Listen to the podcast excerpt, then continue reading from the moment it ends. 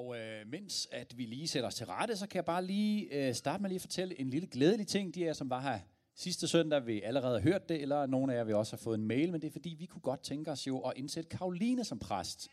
I det nye år, ja, nemlig. Andreas er begejstret. Yes, sådan.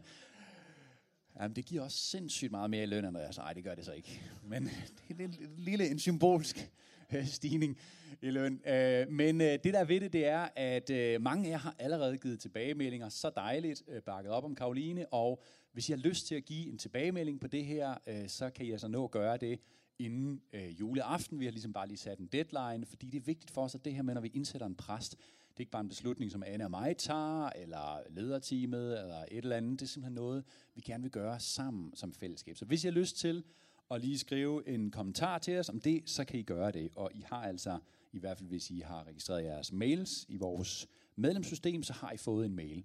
Hvis I af en eller anden grund ikke har fået den her mail, så kom lige og sig det til mig, og I egentlig gerne vil være på maillisten, så kom lige og sig det, og så skal jeg nok få jer på maillisten. Ja, men altså ellers så er det jo snart jul, og øh, jeg har glædet mig til at være sammen med jer den her fjerde søndag i advent, den sidste gang her i 22, at vi skulle være her på Starkladen. Og øhm, en af de ting, som jo øh, kendetegner øh, december og den her adventstid, det er, at vi tænder lys i mørket. Og øh, det kan man jo næsten ikke øh, undgå, tror jeg, at lægge mærke til, i hvert fald ikke i det her land, hvor det er ret mørkt. Vi tænder lyskæder, ikke? Også vi sætter det op på vores huse, vores altaner. Nogle steder går man virkelig all in, andre steder er det lidt mere diskret øh, med lys. Øh, vi tænder øh, adventskrans, vi tænder sterinlys indenfor, vi samles, ikke også som kirke også, og, og som familie også, og ser også, når vi tænder juletræer og sætter lys på dem der. Og øhm, jeg tror, det har noget at gøre med, at det her med lys, det her med at tænde lys, det er noget, som fascinerer os, det er noget, som taler til os som på en eller anden måde taler til vores hjerter, som taler et sprog, som vi kan forstå. Det er ligesom om, det er noget, som, som gør noget godt for os. Ikke også? Og øhm, jeg ved ikke med jer, men hver eneste gang vi kører øh, bil her i december med vores piger, så ender vi med den her leg, hvor det handler om at tælle julelys. Øh, det kan være, at nogle af jer har prøvet det som børn eller som voksne, det kan man også gøre. Og øh, jeg kan huske, hvordan jeg selv som barn, øh, vi havde sådan 10 minutter, hvor vi blev kørt i skole, hver gang vi skulle i skole. Og der kan jeg bare huske, hvordan når vi så startede omkring begyndelsen af december med at tænde julelys, eller tælle dem på den der 10 minutters tur, så kunne vi måske finde den 20-30 julelys, og når vi så sluttede hen omkring, det var ved at blive juleferie, så kom vi måske helt op på 100 og et eller andet lys. Ikke? Fordi at øh, jo tættere mørket blev, jo flere lys blev der tændt. Og jeg tror, at når vi tænder lys øh, i den her tid, advents og juletiden, så tror jeg så ikke kun det er fordi, at det er mørkt ude omkring os. Jeg tror, at øh, det handler også om, at de lys, vi tænder, bliver på en eller anden måde et meget konkret symbol på det, som er julens fuldstændig uomtvistelige budskab, nemlig lys i mørket. Og øh, lys i mørket, det er det, det skal handle om i dag. Det er julens tema, og øh, vi skal begynde med at læse fra Johannes evangeliet, kapitel 1. Og I kan finde det i jeres bibler eller telefoner, eller I kan læse det herop på skærmen. Så vil jeg læse her fra Johannes evangeliet, kapitel 1. I begyndelsen var ordet, og ordet var hos Gud, og ordet var Gud. Han var i begyndelsen hos Gud. Alt blev til ved ham, og uden ham blev intet til af det, som er. I ham var liv, og livet var menneskers lys. Og lyset skinner i mørket, og mørket greb det ikke. Der kom et menneske udsendt af Gud. Hans navn var Johannes. Han kom for at aflægge vidnesbyrd. Han skulle vidne om lyset, for at alle skulle komme til tro ved ham. Selv var han ikke lyset, men han skulle vidne om lyset. Lyset, det sande lys, som oplyser at hvert menneske, var ved at komme til verden. Han var i verden, og verden var blevet til ved ham, og verden kendte ham ikke. Han kom til sit eget, og hans egne tog ikke imod ham. Men alle dem, der tog imod ham, gav han ret til at blive Guds børn. Dem, der tror på hans navn. De er ikke født af blod, ikke af køds vilje, ikke af mands vilje, men af Gud. Og ordet blev kød og tog bolig i blandt os, og vi så hans herlighed. En herlighed, som den enborgne har den fra faderen, fuld af noget og sandhed. Johannes vidner om ham og råber, det var om ham, jeg sagde. Ham, som kommer efter mig. Han har været der forud for mig, for han var til før mig. Af hans fylde har vi alle modtaget, og det nåede over noget. For loven blev givet ved Moses, nåden og sandheden kom ved Jesus Kristus. Ingen har nogensinde set Gud, den enborgne, som selv er Gud, og som er i faderens favn. Han er blevet hans tolk. Så julen handler om lys i mørket. Og Johannes kunne ikke gøre det meget tydeligere for os, ind i den her tekstvel, som handler om Jesus, som er julens hovedperson. Og han siger det her, lyset, det sande lys, som oplyser at være et menneske, var ved at komme til verden. Det er simpelthen det, vi venter på i adventstiden, det er det, der sker i julen. Men lys og mørke, det er jo ikke øh, et tema, som på en eller anden måde er sådan eksklusivt for den kristne tro, vel? I næsten alle andre religioner, der finder vi det her samme tema, nemlig kampen imellem lys og mørke. I næsten alle romaner og film og serier, som har bare sådan en lille smule dybde eller tyngde, så er kampen imellem lys og mørke, eller kampen imellem det gode og det onde, det eksistentielle omdrejningspunkt. Og det kan være, at det om, øh, ligesom udspiller sig i et univers, hvor der er sådan en ydre kamp imellem det gode eller det onde, som vi kender det fra utallige film og romaner og alt muligt imellem lys og mørke. Eller det kan også være, at det er mere den her indre kamp, måske for hovedpersonen, som selv slås med hans eget lys eller hans eget mørke. Eller for skurken for den sags skyld. Det er simpelthen et tema, som møder os overalt i alle former for fiktion. Og jeg tror virkelig på, at grunden til, at det er sådan, det er fordi, vi alle sammen, hver eneste dag af vores liv, ja faktisk hver eneste time af vores liv, oplever at stå i den her kamp, i den her spænding. Vi mærker det hver eneste gang, vi kigger på vores telefon og bliver bombarderet af nyheder ude fra verden. Vi mærker det i vores relationer. Hvordan er det en pludselig misforståelse, eller et ubetænksomt ord, eller bare måske hverdagens stress og jag, pludselig kiler et eller andet ind imellem os og vores nærmeste. Vi mærker det i vores indre liv. Hvordan vi pludselig en eller anden morgen simpelthen bare vågner op og oplever os tappet. Bare sådan fuldstændig drænet, det ved jeg ikke, om I kender. Tappet for håb og glæde. Og vi kan opleve, hvordan det er med at vælge lyset måske pludselig ikke er nemt. Os som er forældre, vi oplever det meget konkret, når vi ser vores børn vokse op, og ligesom i stigende grad oplever, hvordan de bliver mere og mere konfronteret med den virkelige verden, og med al den smerte og mørke, som er ude i verden. Ikke også? Og lige der, til alle os, som oplever den her kamp, der er julens budskab mere end kærkommende. Ja, det er faktisk livsnødvendigt.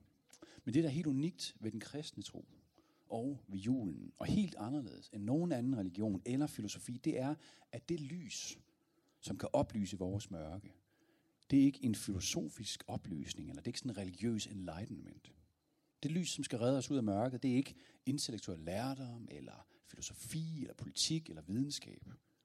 Det lys, som skal redde os ud af mørket, det er ikke økonomisk velstand eller medicinske landvinger. Lyset er faktisk overhovedet ikke noget, vi selv kan fremmane, eller noget, vi kan præstere, eller noget, vi kan ligesom sådan udvikle os frem til. Nej, lyset er noget, som bliver givet til os udefra. Eller rettere, det er nogen, som bliver givet til os. Fordi lyset er nemlig en person, som kommer til os. Lyset, det sande lys, som oplyser at hvert menneske, var ved at komme til verden, siger Johannes. Og så fortsætter han. Han var i verden. Og verden var blevet til ved ham, og verden kendte ham ikke. Han kom til sit eget, og hans egne tog ikke imod ham. Men alle dem, der tog imod ham, gav ham ret til at blive Guds børn. Dem, der tror på hans navn. De er ikke født af blod, ikke af kødsvilje, ikke af mandsvilje, men af Gud. Så lyset det er altså noget, vi har et valg omkring. Et valg om, hvorvidt vi vil tage imod eller ej. Vi har et valg, om vi vil lukke lyset ind, om vi vil lukke ham ind, som er lyset, ind i vores mørke, eller vi ikke vil. Og nogle gange så er det nemmere sagt end gjort, ikke? fordi når man lige hører sådan en titel, eller læser sådan en overskrift, eller tænker sådan, jamen lys i mørket, ja, det lyder da meget dejligt. Altså, hvem skulle ikke ligesom ønske det? Hvem kunne ikke tænke sig ligesom at få lys i sit mørke, eller lys i mørket i verden? Det kan virke sådan lidt banalt, ikke? Men det der ved det, det er, når vi forstår, at det lys faktisk er en person. At det faktisk er en person, som jeg skal lukke ind i mit mørke, for at han kan oplyse det. Så kan det straks gå hen og blive lidt mere tricky. Det kan godt være, det er bare mig, der har det sådan. Jeg kender ikke jer. I hvert fald ikke sådan super dybt vel, men jeg ved bare, at jeg har det sådan med mit mørke. Det mørke, som er inde i mig, det vil jeg faktisk helst holde for mig selv. Det vil jeg helst sådan gemme væk. Prøv at glemme, lade som om det ikke er der. Og det sidste, jeg har lyst til, det er egentlig bare sådan at åbne døren op på vid gab, for at en eller anden kan gå ind og kigge lige ind i det. Og jeg ved ikke, hvordan dit mørke ser ud, eller hvad det handler om. Jeg ved, hvordan mit eget ser ud. Og jeg ved også, at vi alle sammen har mørke i os. Alle sammen. Om det er noget, som er opstået som en konsekvens af andres handlinger imod os, måske vores opvækst eller vores omgivelser, eller det er bare en del af vores menneskelige natur. Det kan være svært at sige, hvad der er hvad formentlig, så er det en kombi af begge dele, ikke også? Og mørket inde i os kan se ud på vidt forskellige måder. Det kommer til udtryk i form af frygt, eller ensomhed, eller skam, eller afhængighed, eller håbløshed, eller vrede. Men det, der er det fælles for os, det er, at uanset hvem vi er, så har vores mørke et eller andet ansigt. Om vi ved det eller ej, og uanset om vi vil kendes ved det eller ej. Og spørgsmålet det er, hvad gør vi med det? Tør vi at erkende det og se det i øjnene? Eller foretrækker vi at prøve at løbe væk fra det? Nogle gange så kan det føles som om, det kan jeg opleve i mit eget liv, at mit liv det er ikke andet end en lang flugt fra mørket ind i mig. Det tror jeg virkelig, det er en risiko for os som mennesker. Jeg tror, vi kan ende med at gøre vores liv til en lang, desperat, sådan eskapistisk overspringshandling. For at undgå at se os selv og vores eget mørke i øjnene. Og vi gør alle mulige ting. Vi forsøger at drukne os selv i larm, eller travlhed, eller adspredelse, eller nydelse, hvad som helst, som bare kan få os til at glemme, ikke også? Og faktisk så er det sådan med det her, at selv de bedste ting i vores liv, selv de mest værdifulde ting, det kan ende med at få en funktion af at være en overspringshandling, for at flygte fra mørket. For at flygte fra sandheden om os selv og om verden. Og øh, inden Anna og mig flyttede til København, eller sluttede til her til Aarhus, skulle jeg sige, for at plante den her kirke for seks år siden, der boede vi nemlig i København, og jeg havde boet der i mange år inden der, og i den periode der, hvor jeg boede i København, der var særlig en ting, som øh, for mig blev sådan meget konkret udtryk for det her med at sådan flygte fra mørket. Øh, nemlig et begreb, som hedder byfornyelse. Og øh, på det tidspunkt der, der var jeg brugt af det meste af mine vågne timer nede på sådan en musikskole nede i Kødbyen, nede på Vesterbro i København. Nogle af jer har måske været der, og det var så inden, at Vesterbro blev byfornyet. Og øh, jeg kan godt love jer for, at det var altså noget anderledes oplevelse at gå rundt dernede dengang. Øh, det var simpelthen fuldstændig anderledes, end det er nu. Og nogle af jer kan måske huske, det har måske været i København, eller været nede på Vesterbro i den tid der. Det var slet ikke unormalt for mig, at når jeg havde siddet derinde i min egen sådan lille boble, og øvede jazzklaver i et eller andet øh, hele dagen, ikke også? Og jeg sad der og havde hygget mig, så gik jeg ud af døren ned i Kødbyen, så drejede jeg rundt om et hjørne, og så fandt jeg mig selv ansigt til ansigt med en mand, som sad fuldstændig desperat og prøvede at ramme hans forpinte blodår med en nål, så han kunne sprøjte stof ind i hans krop, sådan så han kunne flygte fra sit eget mørke for en stund. Ikke? Jeg har også oplevet en dag at komme øh, ud af døren der, og så rundt om hjørnet, så fandt jeg to mennesker, som stod båret over en skraldespand og havde sex. Og jeg sådan midt på eftermiddagen ved højlysdag. Sådan nogle ting, det var faktisk helt normalt nede på Vesterbro i den tid. Men så var det så, at byfornyelsen kom. Og øh, det kan godt være, at jeg lige skulle sige, at jeg ikke som sådan har noget imod byfornyelse. Det er ikke sådan, at øh, jeg er ikke sådan imod det øh, som, øh, som princip, eller hvad skal man sige. Der er jo mange gode ting i det. Problemet ved det var bare, at jeg synes, at det lugtede af, ved, selvom der var ikke nogen, der helt turde og formulere det sådan, så synes jeg bare, at det lugtede af, at nu skulle den her del af byen ligesom sådan ryddes op. Nu skulle der sådan gøres rent, ikke? Sådan så alle de her mennesker, som vi helst vil være fri for at se på, det kunne vi lige skubbe lidt længere ud af byen. Og ud af vores synsfelt. Ikke? Sådan så, at når vi gik rundt på gaden, og lige havde juleshoppet, eller øvet klaver, eller hvad man nu havde lavet, så skulle vi ikke lige bombe ind i dem. Så kunne vi ligesom slippe for at se på dem. Ikke? Fordi hvis vi ikke behøvede at se på dem hver dag, eller hver anden, eller en gang om ugen, eller en gang om måneden, så var det jo meget nemmere at glemme dem. Så er det meget nemmere at overbevise sig selv om, at sådan nogle mennesker bor der jo ikke i Danmark. Vi har det jo alle sammen rigtig fint. Ikke sandt?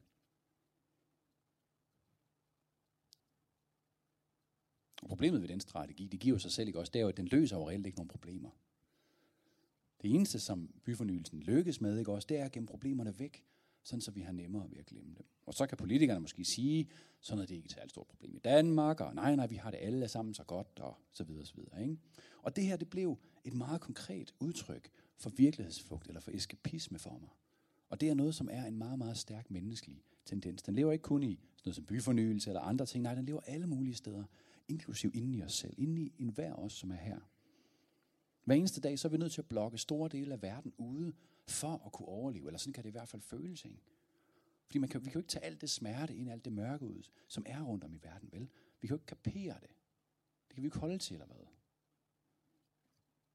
Faktisk så det her, som vi gør her sammen, kirke og tro og åndelighed, det kan nogle gange også blive en form for eskapisme. En form for virkelighedsflugt.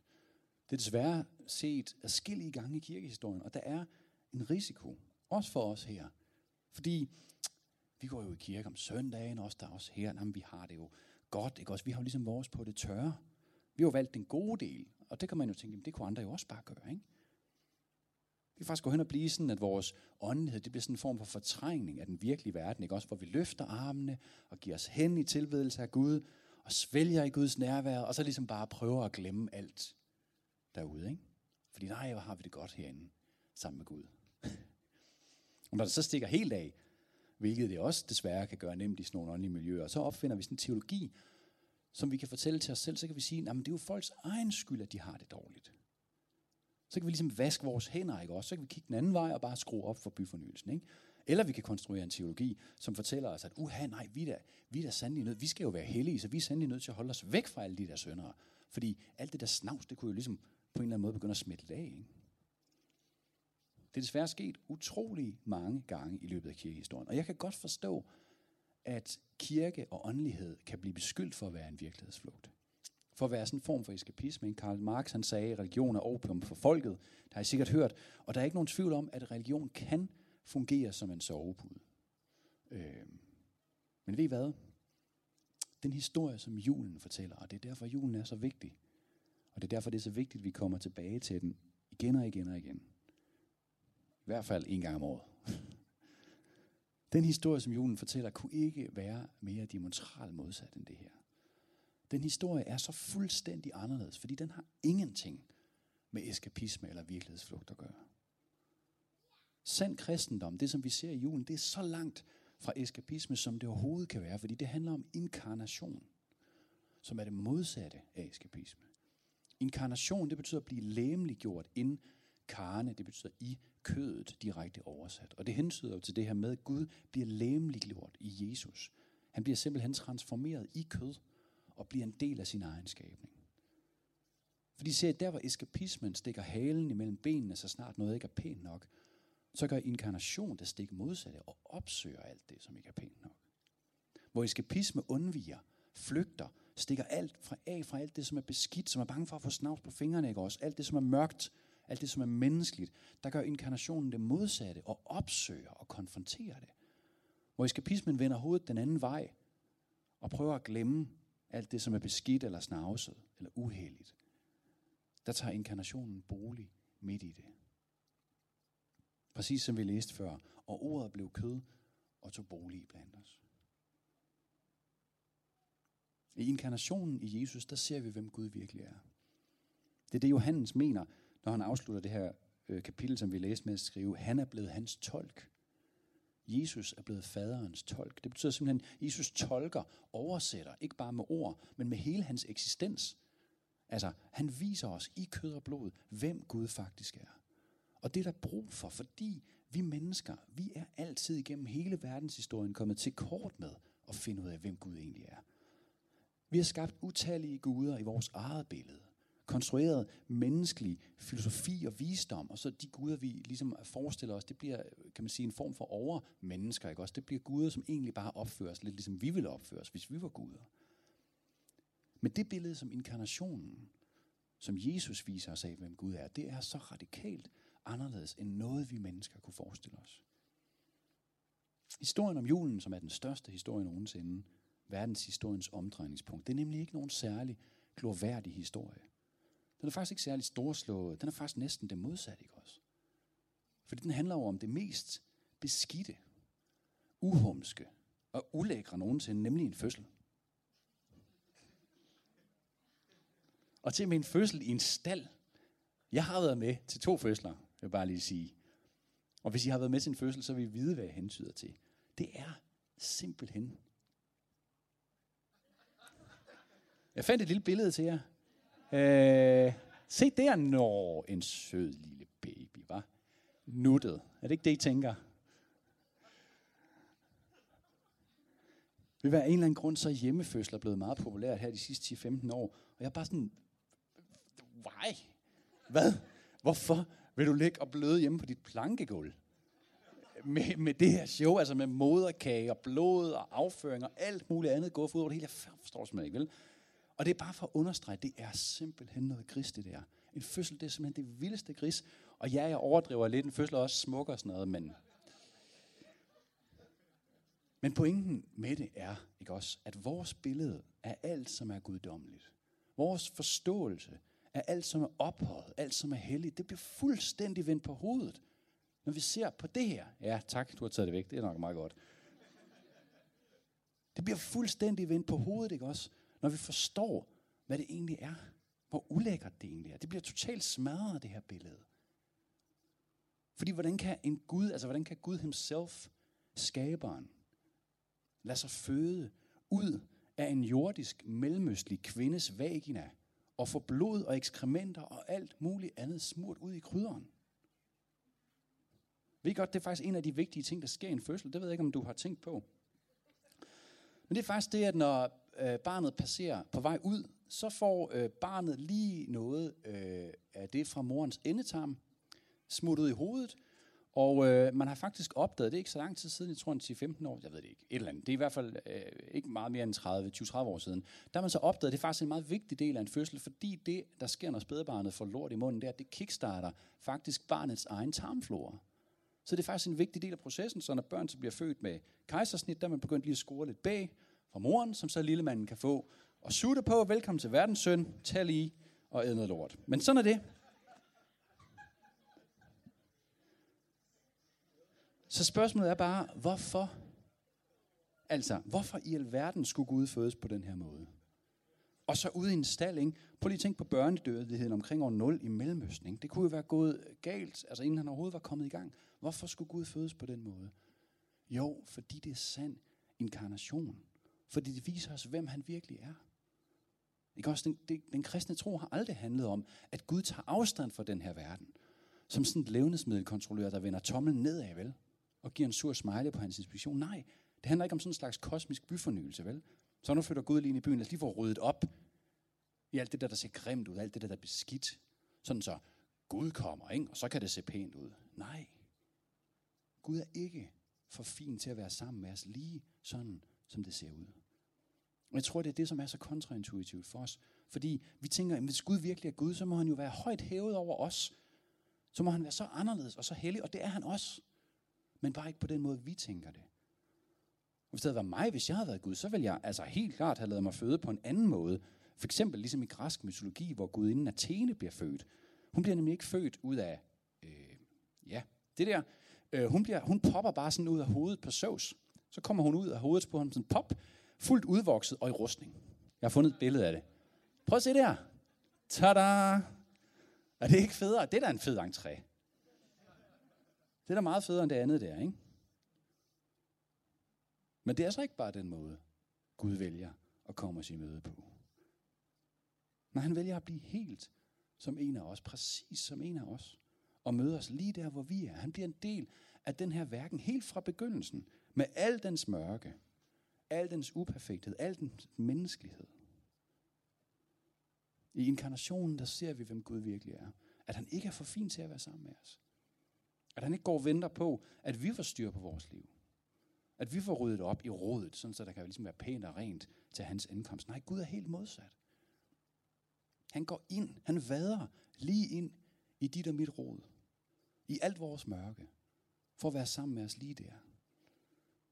Og der er ingenting, der er ingenting i den her verden, der er ingenting inde i dig eller i mig, som er for mørkt eller beskidt til ham. Og her for 14 dage siden, det er det sidste, jeg vil sige, øh, der havde sådan en oplevelse, eller sådan en øh, erkendelse, kan man måske kalde det, som jeg bare lige vil dele med jer her, fordi jeg ved ikke med jer, men nogle gange så kan jeg bare have det sådan med julen. Det kan simpelthen, det kan være svært at tage seriøst, ikke? fordi julens image er bare blevet så putte, nutte, klippe klistret, fyldt med sukkerstage, så kvalm, gløk, overdænget og romantiseret forstadsidyl og flormelsne. Ikke? Jeg kan nogle gange synes, det er svært at sådan finde ind til kernen af, hvad er det, det hele handler om? Fordi man skal ligesom grave sig igennem det ene lag af gaver og fed julemad efter det andet, for at komme ned til fundamentet. Men ved I hvad, det er dernede. Det er dernede, og det kan betale sig at grave ned efter det. Fordi det er så vigtigt for os. Så for to uger siden, som sagt, så var vi på sø i, øh, i København Vineyard, fordi de havde 25 års jubilæum, og der sang vi en julesang, en julesalme, som jeg har sunget utallige gange før, men som øh, lige den dag der øh, ramte en helt ny streng i mig. Og øh, det var julesalmen Mit hjerte altid vanker, som nogle af jer måske kender, ellers så skal vi synge den om lidt, har jeg overtalt bandet til. Og det er sådan en sang, som jeg egentlig, hvis jeg skal være helt ærlig, har sådan lidt ambivalent forhold til, fordi jeg som barn øh, har optrådt med den, sammen øh, med min familie, i sådan en firestemmig version, til familiefester og andre ting. Og det skal vi ikke gå ind i nu. Men på helt mystisk og mirakuløs vis, så er det alligevel øh, endt med at være en julesalme, som jeg faktisk holder rigtig, rigtig meget af. Det er nok den, jeg holder mest af, tror jeg faktisk. Og på trods af, at jeg som sagt har sunget den her sang så utrolig mange gange, så skete der noget helt nyt for mig der for 14 dage siden, fordi jeg opdagede noget, som jeg aldrig har forstået før. Jeg tror, jeg fik, øh, at Gud tog mig med sådan på en eller anden måde bag om den der salme, eller hvad skal man sige. Det var som om, jeg fik sådan et indblik i, i Brorson, som har skrevet den her salme, i den her salmedigter, i hans hjerte, eller i det, han ligesom på en eller anden måde gerne vil udtrykke med den her sang. Og øhm, det har faktisk været virkelig stort for mig her de sidste par uger, øh, som om jeg har fået sådan en lille glimt ind til øh, selve julens mysterium. Og øhm, den her salme, det er nemlig en lang meditation over, hvorfor dog i alverden, at himlens og jordens skaber, den almægtige Gud, kunne finde på at lade sig føde på jorden i sådan en uselhed. Det er simpelthen det, den handler om. Der er ni vers, og de handler stort set alle sammen om det her.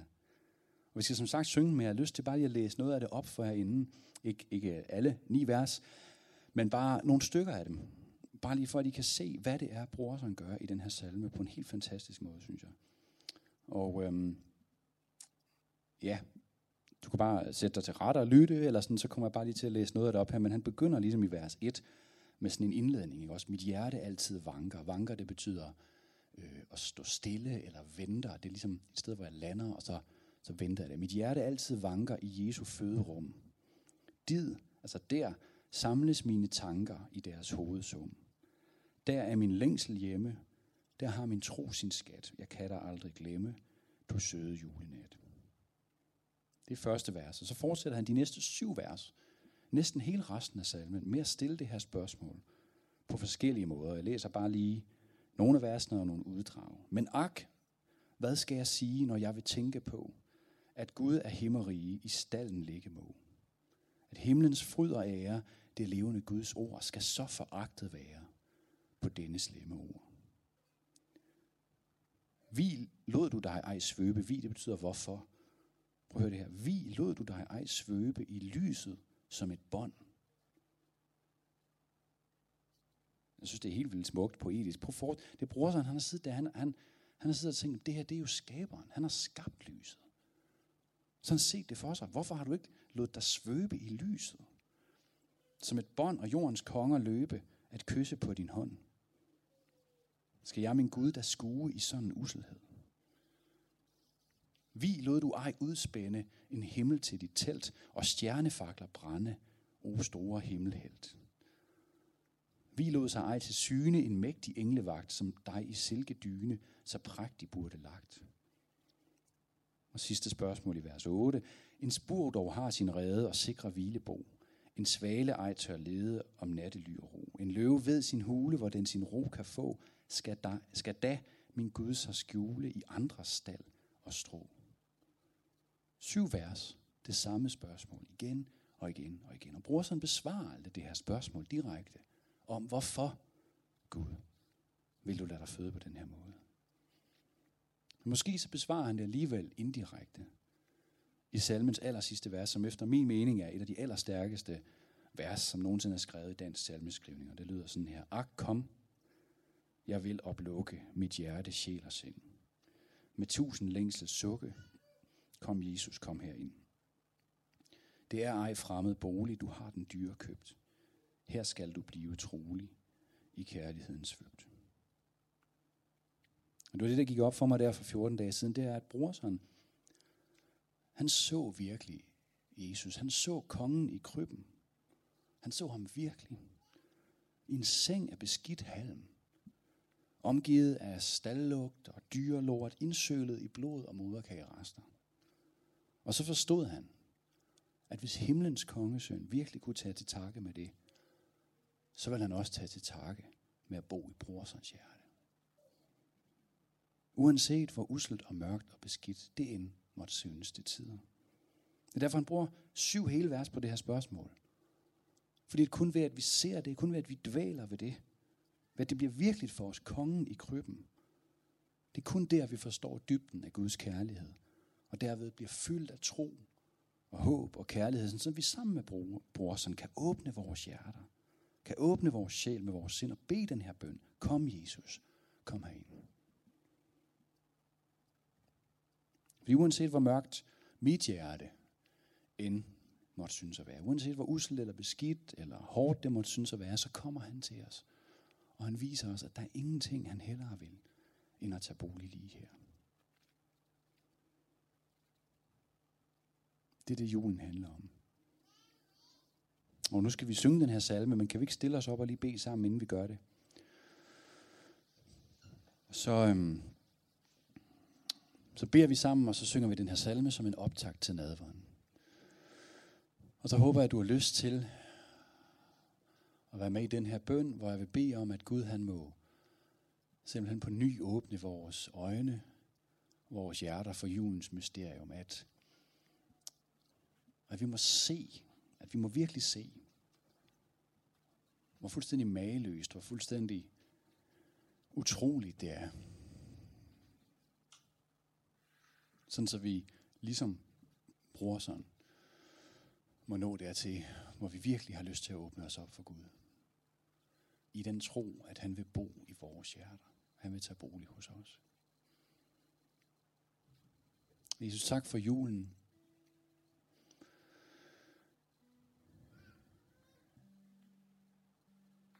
Tak fordi, at du kom på, til os på den mest utrolige måde. På en fuldstændig øh, uset og uforståelig måde. Vi havde ingen idé om,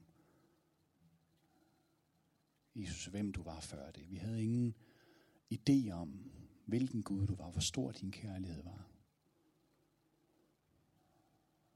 Men jeg beder for os, at du må åbne vores hjerter, åbne vores øjne, at vi må se dig. Se dig som det spædbarn, som ligger der i krybben. Ikke i sådan et romantisk billede af det, men virkelig sådan, som det var. At det må blive levende for os, og vi derved må forstå, at Gud, der er ingenting, som holder dig tilbage fra os. Der er ingenting i vores liv, uanset hvad vi har gjort i vores fortid, eller hvad der fylder lige nu, hvilke kampe vi står i og bliver ved med at stå i. Der er ingenting, som er for meget for dig. Der er ikke noget, der er for mørkt til dig, Jesus. Du banker på, og du ønsker at komme ind midt i det alt sammen. Hold måltid med os der. Vi ønsker at kunne sige, ligesom bror, så, sådan, kom Jesus, kom herinde. Hjælp os til at sige det den her jul, igen og igen. At vi må opleve at blive fyldt med dit lys.